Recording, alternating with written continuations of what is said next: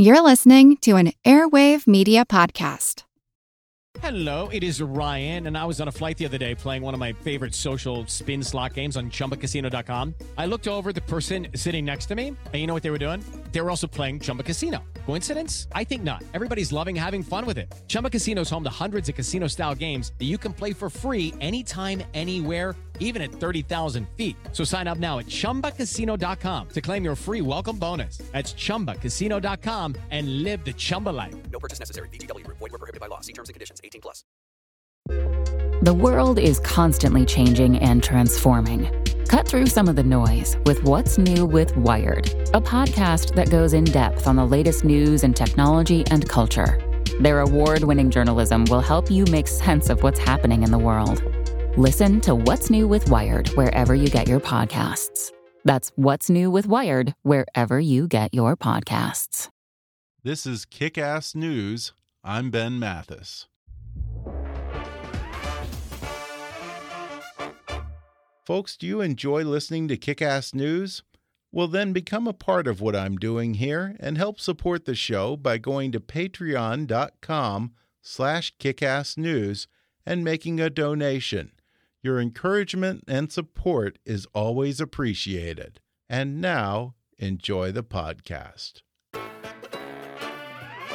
Hi, I'm Ben Mathis, and welcome to Kick Ass News. This Friday, September 30th, is International Podcast Day. Yes, that's really a thing. So, in honor of the occasion, I hope you'll share Kick Ass News with your friends on social media and not just encourage people to listen to this show, but to listen to any podcast. You see, I got into this because I myself love podcasts. I listen to about 20 different ones a week, and from time to time, I like to share some of my favorites with you. You've no doubt heard of the runaway hit podcast Serial, which in its first season re examined the investigation and prosecution of Adnan Syed, who may have been wrongly convicted of murder and is now awaiting a retrial, largely due to the exposure Serial brought to his story. If you like Serial, or if you're not sure about committing to 12 episodes around the same story, then today I'm going to turn you on to a podcast that's just as gripping but a little more easily digestible. The true crime podcast Criminal has been phenomenally successful since its launch in 2013, generally ranking near the top of iTunes' overall podcast rankings and receiving a Best Documentary Award at the Third Coast International Audio Festival. Billed as stories of people who've done wrong, been wronged, or gotten caught somewhere in between, the creators of Criminal, Phoebe Judge and Lauren Spohrer, understand crime as something sociological, historical, and even anthropological. Each episode deals with a different case that illuminates the absurd and sometimes unjust quirks in the criminal justice system. One episode might focus on a man defending his legal right to give the finger to passing police or the rampant theft of petrified wood in Arizona while other stories may show the human side of complex issues like capital punishment, assisted suicide, and cyberstalking. The show was created by host Phoebe Judge and producer Lauren Spohrer. Prior to starting Criminal, Phoebe was a host at WUNC North Carolina Public Radio, a producer for The Story with Dick Gordon, and a reporter who covered the BP oil spill and the aftermath of Hurricane Katrina for Mississippi Public Broadcasting and National Public Radio. Her work has won multiple Edward R. Murrow and Associate Press Awards. Her criminal accomplice, Lauren Spohrer, was a producer, director, and editor for The Story with Dick Gordon. Before that, she was a producer with NPR's Weekend Edition Saturday and the Bryant Park Project. Today, they'll come on the show to discuss their love of fictional detective stories and true crime and how that led them to seek out the human stories behind the headlines on Criminal. They reveal how their choice of title sometimes proves problematic when booking guests or trying to get a car loan.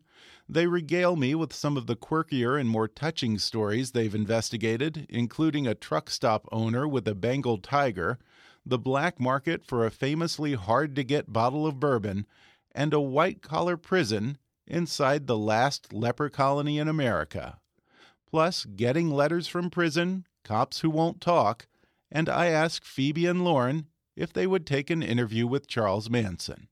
Coming up with the creators of Criminal, Lauren Spohrer and Phoebe Judge, in just a moment.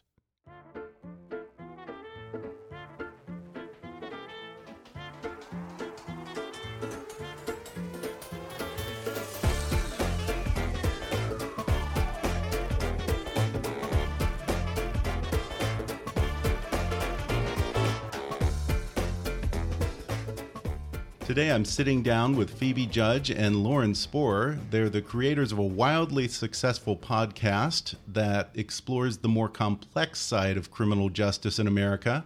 Guys, thanks for coming on the podcast. Thanks for having us. How did you two meet? How did you guys team up? Because you both worked at NPR prior to this, right? Yeah, uh, we both were working on a public radio show, a national show um, that was based in North Carolina called The Story with Dick Gordon. And it was an interview program, and Dick, the host, would. Um, he, started to give me opportunities to guest host the show. And so I would sometimes sit in that host seat, and Lauren was there working as a producer. And we would work together because of that. And um, the story eventually got canceled and went off the air and we were moved into other positions. But Lauren and I were sitting kind of outside one night and she knew that I had this hope to be a host. And so she said, Well, now that the story's off the air, why don't we make a show together? Yeah, and I just said we can just uh, let's make a show and put it on the internet. And prior to that, you guys had worked in traditional radio, not in the podcast medium, right? Yeah, I, I started as a reporter. Um, a public radio reporter on Cape Cod, and then found myself in Mississippi and went to India, and then was so I had always been in public radio. I had never really done anything else but public radio. I yeah, and I started at NPR right after college. Um, I did briefly work for this NPR show called the Bryant Park Project, and Okay. it was sort of a. I, I don't think, think it, I know that one. It was it was Tell brief, but it. it was sort of their experiment into something like podcasting. Um, the idea was it would be delivered digitally every morning. I think it would go live at 6 a.m. Okay. so that you could download it and listen during your commute. That was the idea. So we operated like we would get to work at 4:30 in the morning to tape it, uh, and then it would drop. So I think it was distributed on like one or two stations around the country.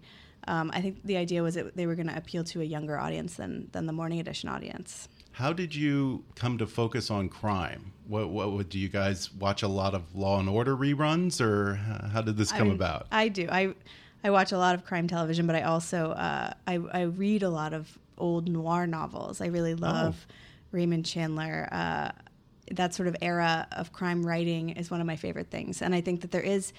What's interesting if you think about older crime novels versus the way that we see crime in most media today is that they're rather withdrawn. There there mm-hmm. isn't a lot of blood and guts and gore in these sort of like old mystery novels, and I think that that did sort of set some wheels turning for me. You know, there are other ways to, to talk about these things that aren't so sensational. Mm-hmm. And I, I assume that that influences you then in the way that you approach crime on the show because you're telling stories. It's more of a narrative style in the vein of, say, Making a Murderer or The Jinx. Yeah, absolutely. And also, I think we, I remember thinking so when when we so we said like let's make a show. We'll make our own show. We'll put it online. Almost immediately, like in the next breath, I feel like we hit on crime. Um, and there was this was pre-serial, so there was nothing like that at the time. Oh, and um, and and I just think you know Phoebe has such a measured voice, and she's so sort of staid um, that that I could just immediately hear it, hear exactly what criminal could sound like with her as the host, um, telling stories, uh, but also sort of in a very tempered, calm way. Yeah, I think Let's that, hear that voice. Yeah. I, I, I feel like there's a lot of pressure on you now. No, no, no. I mean, Lauren was the one who came up with the idea for crime. And when she said it to me, I thought to myself, oh, that's the most brilliant idea. You know, not only are we not going to ever run out of stories, but also I think uh, we were, to be completely frank, the, the a lot of the crime reporting out there right now is nothing that we want to to be listening to. It is sensationalistic and it is really playing into some horrible tragedies and playing up the hype and the drama. And we thought to ourselves, well, we we can take on this very interesting topic of crime, but maybe do it a little a little less um, exploitative. I- I- do- Is that okay to say? I mean, I, Yeah. I, I do think that a lot of I mean, most crime in the media Yeah. is exploitative in its and that's nature. and that's a shame because these are people whose lives have been incredibly impacted by some horrible stuff. But also when you only worry about the sensationalistic aspects of it and the blood and the guts you don't actually get to learn from anything. And what we hope to do is that we're we're talking to these people and we're learning from them and learning more about their stories or what got them to these moments which are often the worst times um, in their lives Yeah, I think uh, in the description you say that it's not necessarily the quote unquote, if it bleeds, it leads kind of crime that interests the two of you. What attracts you to a story? I mean, different things. I think we like to be like all of us. We like to be surprised. You know, Uh, so if we if we begin researching a story, my hope is that it's not going to go exactly where I expect it to go. Right. So if we if we call someone and we start asking them more about their experience or what they've done or what happened to them, and and I'm imagining that I know what they're going to say, and the story goes in a new place, that then I all of a sudden have so many more questions, and to me that's sort of the first sign that that this could work for the show. Um, I think we're also I just think that the criminal justice system is sort of obfuscated and it's awfully confusing. And I think we all think that we know how it works, but a lot of what we learn does come from television dramas. Um, and so I think things that sort of illuminate how sort of subjective the criminal justice process is are very exciting for us to be able to sort of say, like, let's unpack this really slowly and understand what happened in this particular case and, and how that could happen. Yeah, and I'm interested in this idea that you guys go into it with one idea about a story and then you walk out of it perhaps with an entirely different take on it. Is there a particular story that that was more so the case than others? I think that we are always open to whatever we don't kn- ever know. I mean, we, we we know the general outline. We know why we're speaking with someone, mm-hmm. but I don't think that we ever exactly know how we're going to write the story. We basically record that interview as if it could go on air as is. We don't record getting sound bites. We record it as a conversation. And we take that conversation and from that conversation we write a script and a narrative. And so we haven't thought about the script before we finish the conversation and so that process kind of necessarily makes it so that we don't know what the story will be. And it's more fun for you guys. Yeah, and I'm we, sure. We always thought that this I, this kind of hybrid show of having a strong narrative but also having the spontaneity potentially of uh, interview was an interesting way to handle the topic of crime because I mean in this case me I'm the host but but I'm just a person. It allows me to react to things as an individual as you know a listener might which is to just say what do you oh my gosh I can't even imagine what that would be like instead of me having to ra- say a narration. And then I thought you know and then oh my gosh you know I mean it's, Yeah. it makes it a, Yeah. a lot a little more personable we hope Yeah. Now, is your choice of title criminal ever problematic when you reach out to, say, defense attorneys for an interview? Yes, all the time, all the time. It's very awkward, and sometimes even when I call someone on the telephone, I can feel, I can feel my ears turning red when I'm like, it's a, I make a true crime podcast. It's called Criminal, and I can just feel sort of my stomach sinking as the paralegal or whoever I'm speaking to is like, uh huh, I'll pass along the message, and I'm like, I'm sure you will. the, the the name has been wonderful for us and also it, it kicks us sometimes you know um, And that's what it says on our checks, and like. criminal production It says criminal product, and you know my mailman. We receive a lot of mail to my house addressed to criminal, and my mailman's this great guy. And he one day he was just like he held up this thing and he said, "Is this you?" or uh, I was at so I was trying to get a car loan. Yeah. I was at CarMax, and so we're going through all the things, and the man was trying to get my salary, and he said, "Well, what's the name of your business?" And I said. Criminal Productions, and he looked at me, and then he asked me my salary, and it was like he thought uh, maybe that I was that I was just completely lying. Yeah. He couldn't figure out. He, he and Lauren um, tells this great story about how still making this thing about crime. About uh, what did the man say to you about the iPod? Oh, I, I was talking to this man, and he was like, "Tell me what you do for a living again." And I explained it to him, and then he was like, "That's cool." And then he was like, "I still don't understand how you make money talking into an iPod." I still get that. I get people who are who, they won't call it podcast. They're like, "How do you do an iPod?" Yeah, yeah. or a pod. Yeah, yeah. It's it definitely the medium itself seems to be very slowly working its way up the age ladder. Yes. One of the things that I enjoy about most about the show, and I think that's the biggest takeaway for me, is that you get a sense that things really are not black and white in this world, especially these days. I wonder with social media, where everyone seems to think that they're a social justice warrior. Do you see that as part of the goal of the podcast to encourage people to maybe be a little less reactive when they see a headline? I think we practice that through every step of producing these stories, you know, not making assumptions and certainly never assuming that we know more. Um, than the person. And then it's this very interesting process of sort of, you know, if, if someone comes on our show and they make a certain claim about the way that a trial went or the way a hearing went, then we need to go find those documents and then sort of mm, things people misremember things or people emphasize things about their own stories and maybe leave out other things. And so I think for us, it's been a very fascinating process of saying, like, not only are we going to provide first person narratives, but we're also going to supply you with all of the contextual information about what happened. And we often use uh, audio clips from the news, and it sometimes it's interesting to even hear in the television news anchor the strong point of view coming from that news reporter and it, it sort of reminds me that we we are just working really hard to just sort of say like here's all of the information that we Yeah. can find. And and i think that when we hear from listeners listeners also hear what they want to hear in each episode which i think has been completely fascinating for us. Um, you know people can feel people it's like a cognitive dissonance almost. I think people feel affirmed in whatever ways they choose to feel affirmed in every episode which has just been remarkably interesting. That's interesting to me. Has there been a particular episode where you were kind of surprised at how disparate the opinions were after people listened to the exact same story and walked away with a totally different take?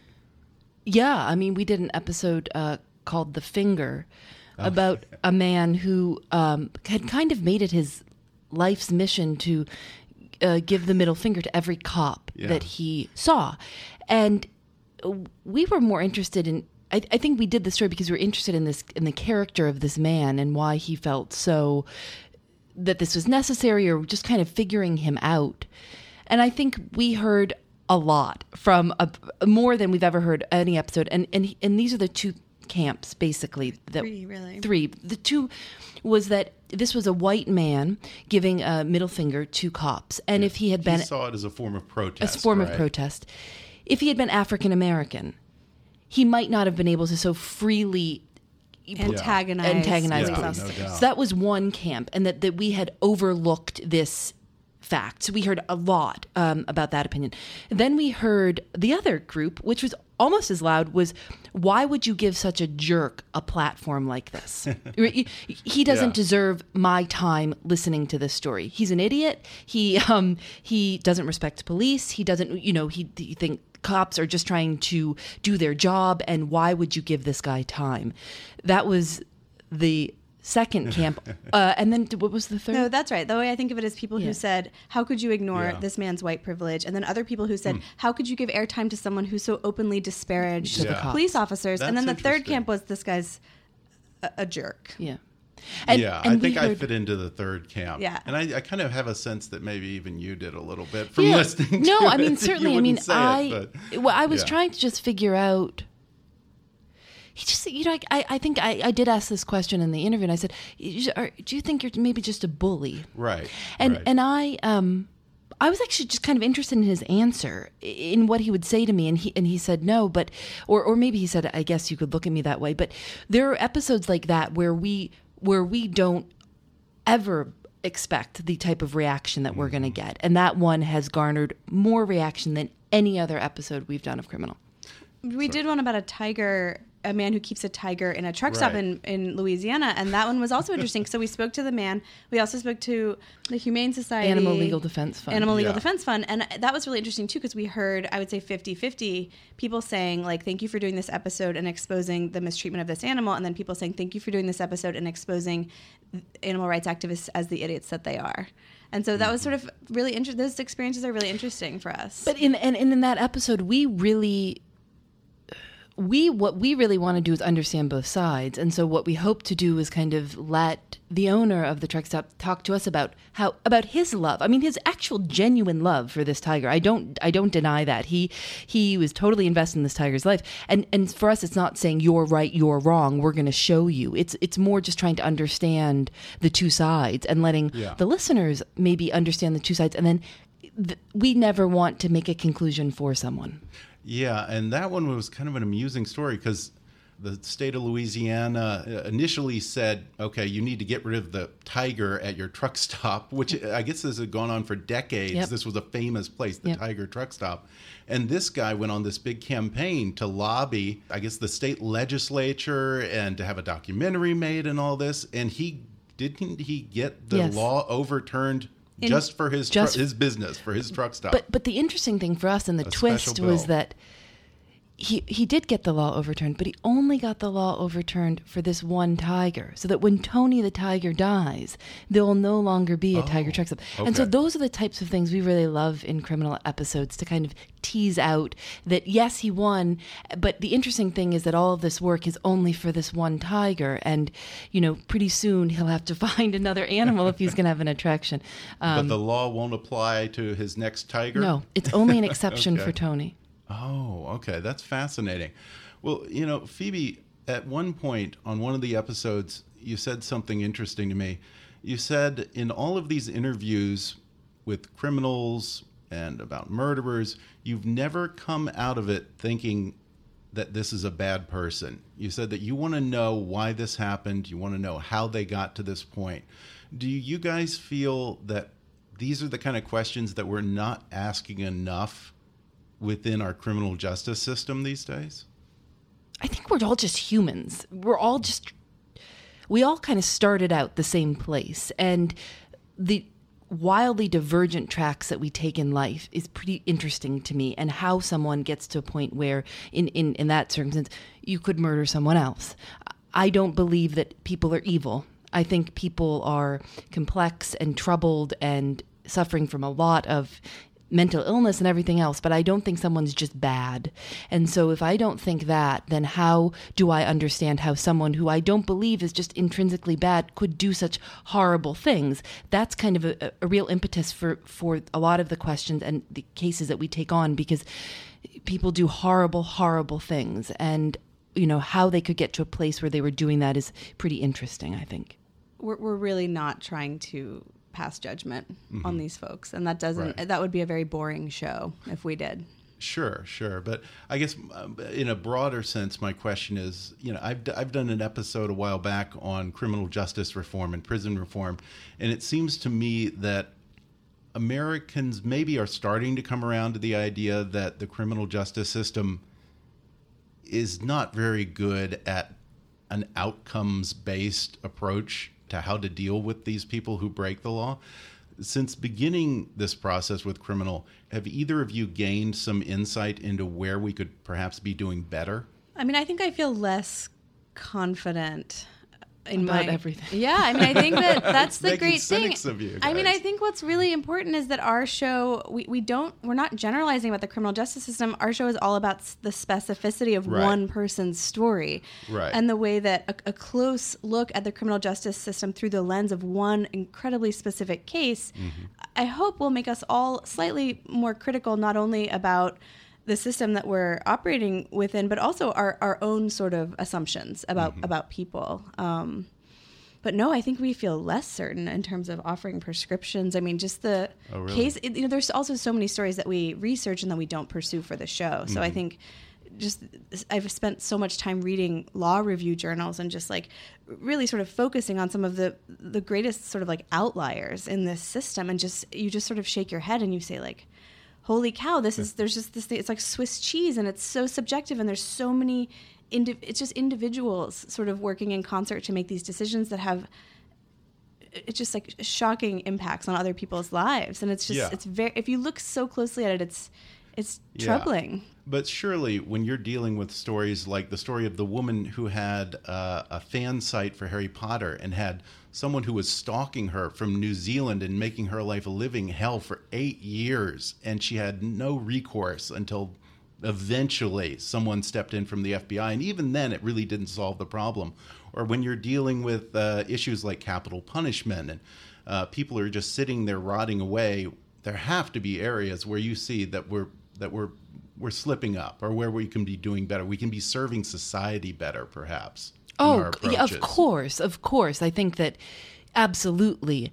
I just think that we, um, it, the idea of having to shine light on the injustices and problems of the American criminal justice system is so intimidating to me that I Yeah. don't even think we'd be able to put out an episode. So for us, it, it's uh, because of course it's we see, there are there are lots of problems.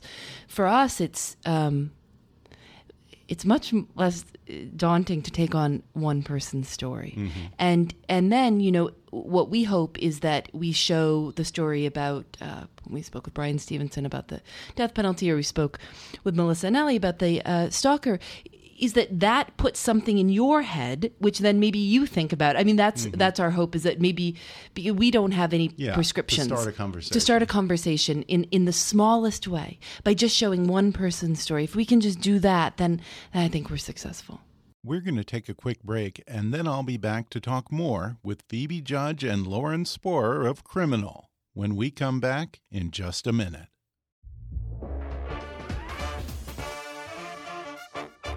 Hey, folks, do you like reading but find it's getting harder and harder to make time to curl up with a good book? Well, there's a solution. Give audiobooks a try. They're perfect for your commute to work or working out at the gym, a relaxing bath, or any time, really. And right now, you can take an audiobook for a spin with a special promotion just for our listeners from audible.com. Just go to audibletrial.com slash kickassnews to get a free 30-day trial and download any of Audible's 180,000 titles entirely for free. That's audibletrial.com slash kickassnews. Or click on the sponsor link on our webpage to download the free audiobook of your choice. And now, back to the show. The episode that you mentioned a moment ago, the one I think it's called The Finger, all about this guy who's just obsessed with flipping off cops Yeah. everywhere he goes. Did you feel that that particular case said something about this trend of painting law enforcement officers with a very broad brush as the villains? he was making assumptions about the I mean, he did say that he doesn't have a problem with every individual officer. He but he was problem with the protesting institution. the institution in this way. His protest did take the form of the individual Yeah. officers. But he realizes that they're human beings and they'll take that personally, probably. Yes, and that was a big part of what we talked to him about was sort of like, well, don't you think this? Phoebe said like this would hurt my feelings, and that was we really were very interested in that. I- I think part of what makes his story very interesting to me is that he then sued the police department and received a settlement. So for us, that's the part that made us say like what like hold the phone he repeatedly gives the middle finger to police officers and then receives a big settlement a big cash settlement from the city for being inconvenienced you know, and sort of pro- like he felt that his rights to protest with his middle finger. And then there's sort of a, actually a really interesting history of this gesture. And for us, the idea that interesting, you one finger on your hand can be so radically insulting is a little bit funny and to sort of take a minute and look at that history and we played a little clip from Seinfeld where Jerry Seinfeld's like what if I give him the toe and like I, so I, for us these these stories are always about just being curious um you know and, and we always look for stories where when why- when we hear something or I said, "Can you believe this guy got money back because he couldn't give middle finger?" When you can say kind of one sentence and it gets someone's ears up because you're like, "What? I can't believe that." Then we know that we have a story, and then we try to unpack it by by doing these interviews. I think probably my favorite was you did one that was fascinating to me. It was about a white collar prison in Louisiana that was inside the last leper colony in the United States. Now, is that place still open? Yeah, that's a place called Carville, and um, it is not. It is no longer. There are no uh, leprosy patients now called Hansen's disease patients. right, right, right. But, but still, uh, leprosy is the common. I don't want to be on PC. No, no, no. Yeah, I mean, we- Nobody knows Don't no one knows the, he- the leper, Yeah, you know, but- lobby out there. Um, yeah. it is no longer open and we actually uh, w- the, that episode highlighted this one man who had spent the majority of his life there mr pete um, who i spoke with and he he wanted to die at carville because it was his home and it's all he'd ever known Right. and he had to be moved to a nursing home in baton rouge uh, so he will not die at Carville, but we just checked in on him actually, and Yeah. he's um, still alive and kicking. And um, so that was an episode that was that was those are one of those episodes where you hear something and it's too wild for us to not Yeah. do. I mean, uh, because it was a it was shared with a white collar prison. I guess the, the, the government money. of Louisiana thought it would, the lepers are dying out and we need more prison beds. this is a Let's gigantic camp- campus. Why not? and so we, I, I just those are the stories where we you just have to do them. Yeah. Um, we I like that episode a lot too. Some of these are actually, I think, educational or instructive. Uh, I think there was one episode that was all about how a family handles the media in the immediate aftermath of a personal tragedy and how to address that. Or there's one uh, about what a school does in an active shooter situation and how they handle that. And that, that one was impressive to me. I was very impressed with that principal, how they had thought through just about everything. And I think as soon as it happened the very next day, he was sitting down with the teachers and saying, okay, where can we improve on this? Yeah, and that that episode for us, while there, of course, is a bigger conversation going on about school shootings, and um, w- we did that episode because we were really interested in the fact that, and the the twist in that episode, it's called Hastings, is that no bullet was ever fired. Right. That that no one was actually ever shot, but that the impact that it had on those children in those classrooms, what what does it mean that a gun could never go off, but still you're so haunted? Um, that's what made that episode really interesting. And, and the principal was, I it, it took a lot to convince him to speak to us because he was protective of his students and also of the student who obviously was suffering from a lot of issues who brought the gun into the school. Right. But uh, I think he he really what was so wonderful about that is just his complete devotion to his job and to those kids. The way he was speaking Yeah. about them, even years later, um, was what really made that episode just his. complete and and you could hear the fear that he still felt when he thought about that day i think that's what made it so good Was that after Columbine? I forget. yeah it was after It was okay because I don't remember when I was going to high school. I don't think that we had active shooter drills. I we had didn't. tornado drills Yep. in Texas, but we didn't have that. and it changed and and Yeah. and me too uh I, columbine happened in 99 2000 and uh, 96 99 I don't know. It, it happened and i was at this i never I never had an active shooter. I always thought I think about the drill, tornado drills, fire drills, Mm-hmm. all those things. And now the reality is is that every basically every child Yeah, in it's sad school that that's now has yeah, commonplace. has we, these.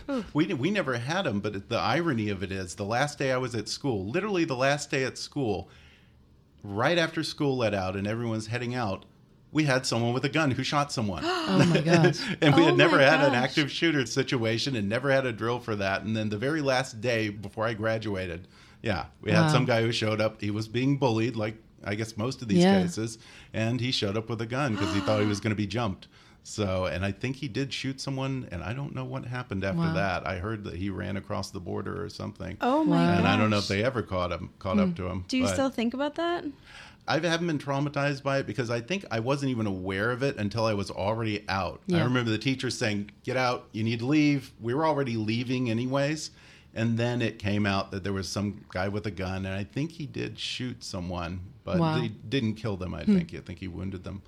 Do you guys have a favorite episode or one that resonated with you in I particular? mean, I have a lot of favorites. I wish. Yeah. I think I, I really like an episode we did called J.R.R. Zimba. I think it was episode seven. So this guy who got mugged, and he admittedly was just wandering around in the middle of the night for no reason, uh, and so he he had to. f- Be, this is an example of a story where we actually learned a lot about the sort of because of a special uh, Florida law. He actually testified not only in his own trial but in the trial of other victims of this same mugger.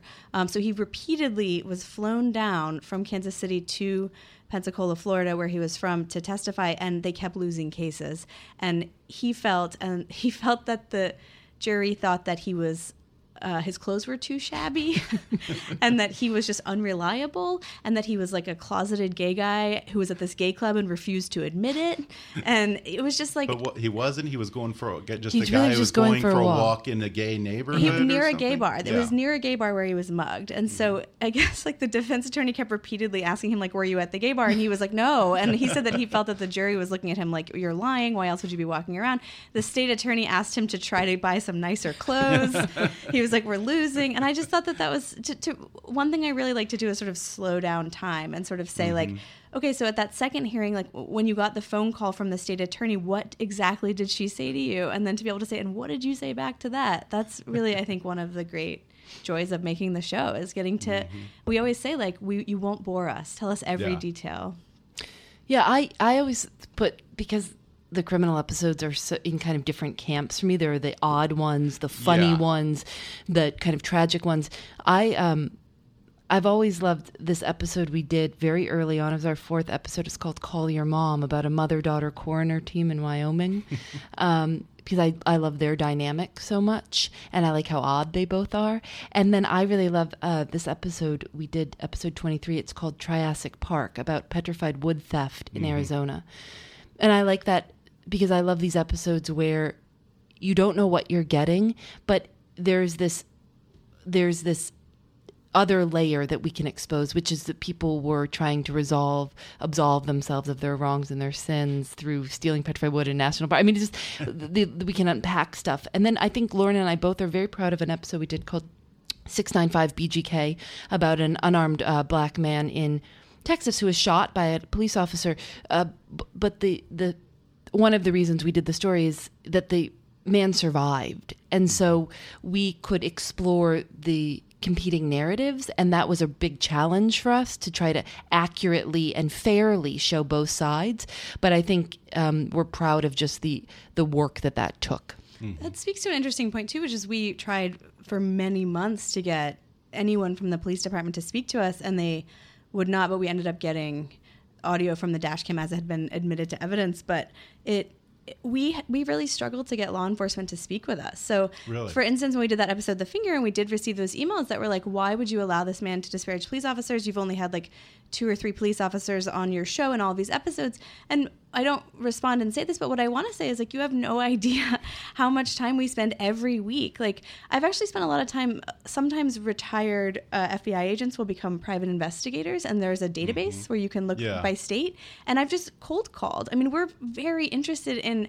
It's not a joke. Like stories of people who've been wrong, done wrong, or gotten caught somewhere in the middle. We are extremely interested in the the sort of diversity of players. Like I have a dream of doing a story where we speak to, you know, a juror, a bailiff, a judge, a court reporter, a lawyer. yeah, exactly. Like just to hear, you know, like what did Yeah. you see? What did you think? And so I think because it's funny sometimes we'll get a public information officer to be super helpful. They're very helpful in helping us fact check. And then i'll think oh we have a good report and i'll say like would you ever want to come and, and tell a story from your career on the show? And they're like oh absolutely not. And they just shut it right down. And and so that's a challenge for us so if any of your But wait- listeners you know are in law enforcement. And we do. We have done a, a few stories with cops. We did a story in Los Angeles about a, a LAPD diver who recovered a gun from the La Brea tar pits, and we did another story with a police officer in Hillsborough, North Carolina, who um, was in love with his police dogs, um, and.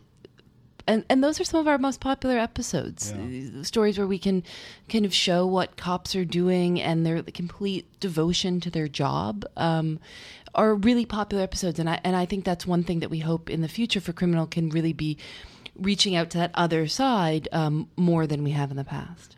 Who do you get the most no's from? oh absolutely police officers Yeah. yeah i mean absolutely It's, easier to get a murderer than a, than a yeah cop. for real really? No kidding. Yeah, absolutely. And I, I, I guess I understand it, but sometimes I feel like we did. I did speak to this one officer kind of at length, and he was like, you know, this is really hard for me, and I feel really sad about the way that people are talking about police officers right now. He's like, my wife is very angry about it on my behalf, and I'm like. Why don't you come talk to us about this anonymously? Um, and I'm like, we can disguise your voice. Like, I, I think that people would like to hear this conversation that we're having right now. This is really interesting. And he was like, there's no way I would risk it. So I think that I understand that it's an important, it's a, it's a field where you don't just go running your mouth. I understand that, Yeah. but We, so, do you get a sense that the cops feel that the media is against them? Yeah. I think there's just kind of like a protocol also of who in the office talks to the press, and I, I understand that. Now, have you had criminals or defense attorneys reach out to you and say, "Take up my client's because or, or someone write you from prison? Mm-hmm. Yeah, even, maybe? yeah, yeah, yeah. All Really? of the above. Wow. Um, which is in some way an honor, um, but we can't. We we usually. It might not be exactly right for the- for the show, but we do have people who reach out and say, you know, and and, and that's lucky that we've. I think that we have a big enough audience where they think that potentially us hearing their story could make a difference. We also get sort of funny ones that are like, "Boy, do I have a story for you? Call me," and that's like all it says. And I'm like, "I'm not calling. Are you calling?" like, Well, yeah. I mean, the statute of limitations might not have run out on that, so they probably don't want to put that on a Yes. voicemail message or something. Yeah. have you had anyone try to write you from prison and strike up a prison romance or something? Oh, love letters or anything? No, I haven't. No? I haven't. Re- have you? I haven't received any love letters from prison. no, no. No. um, okay. No, not yet. Not only a yet. matter of time. Yeah. I'll keep I'll keep my eyes out.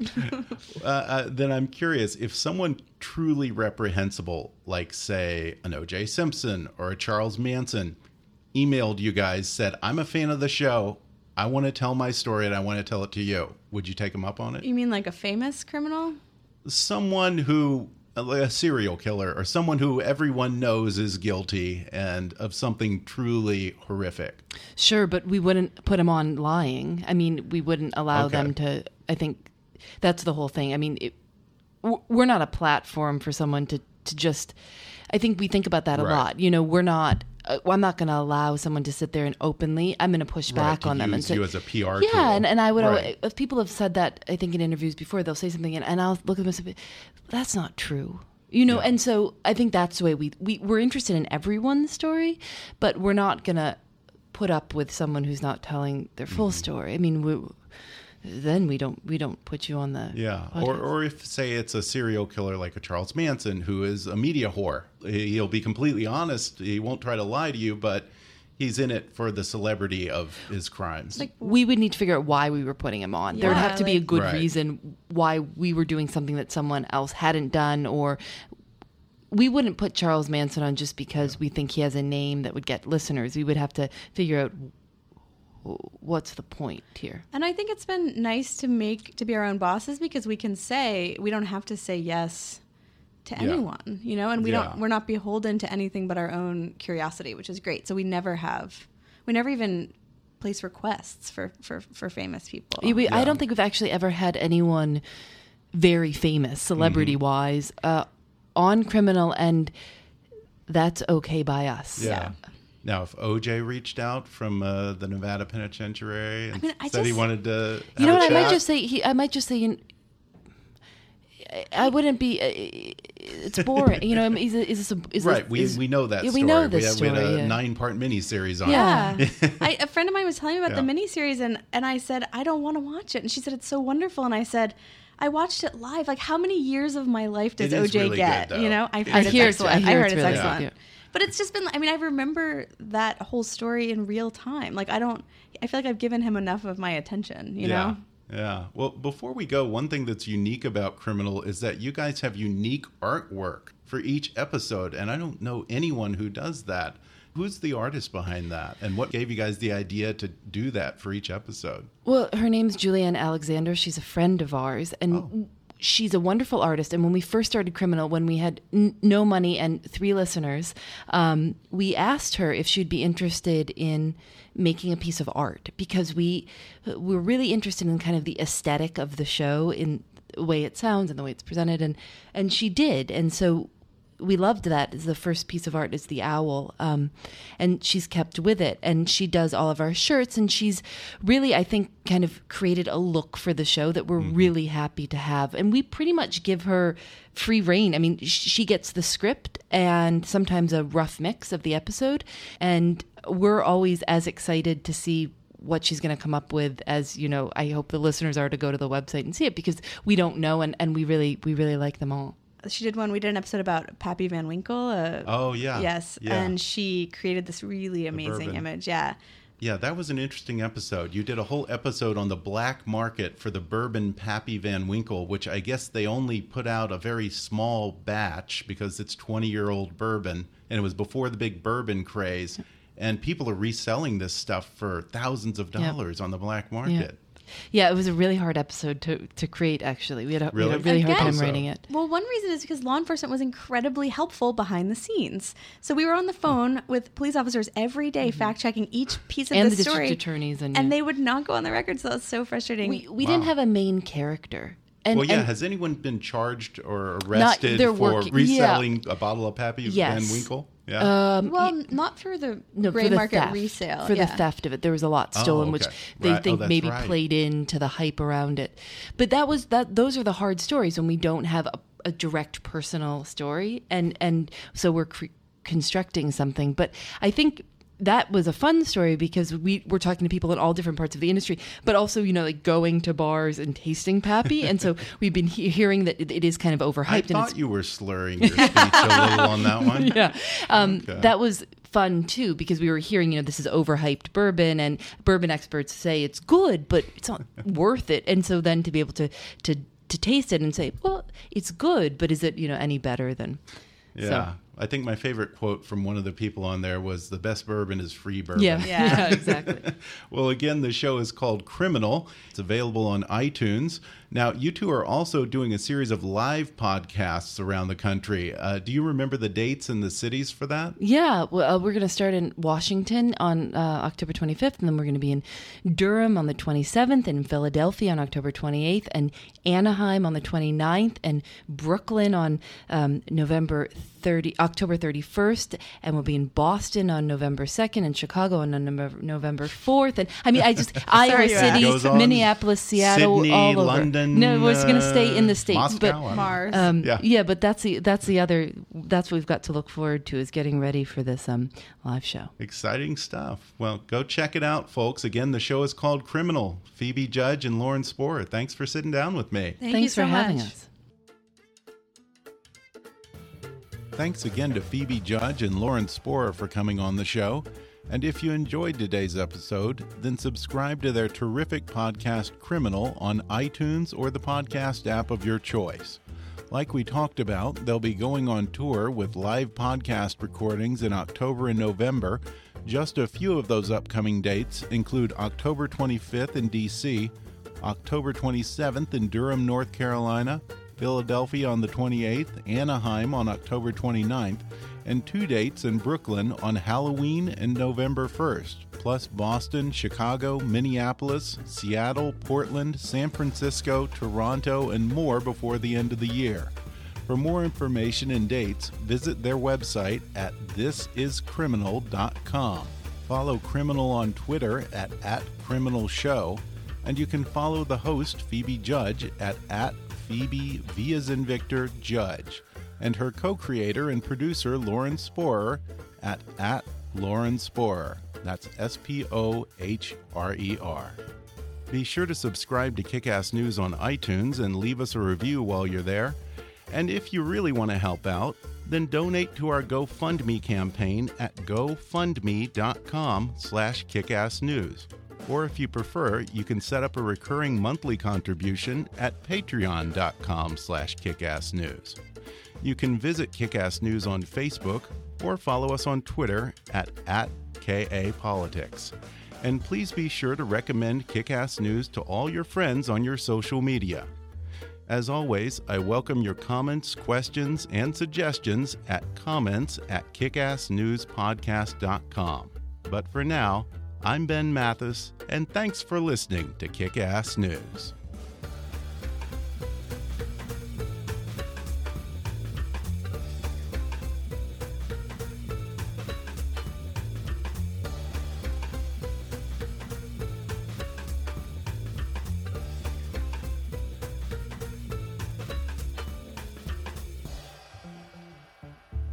Kickass News is a trademark of Mathis Entertainment, Inc.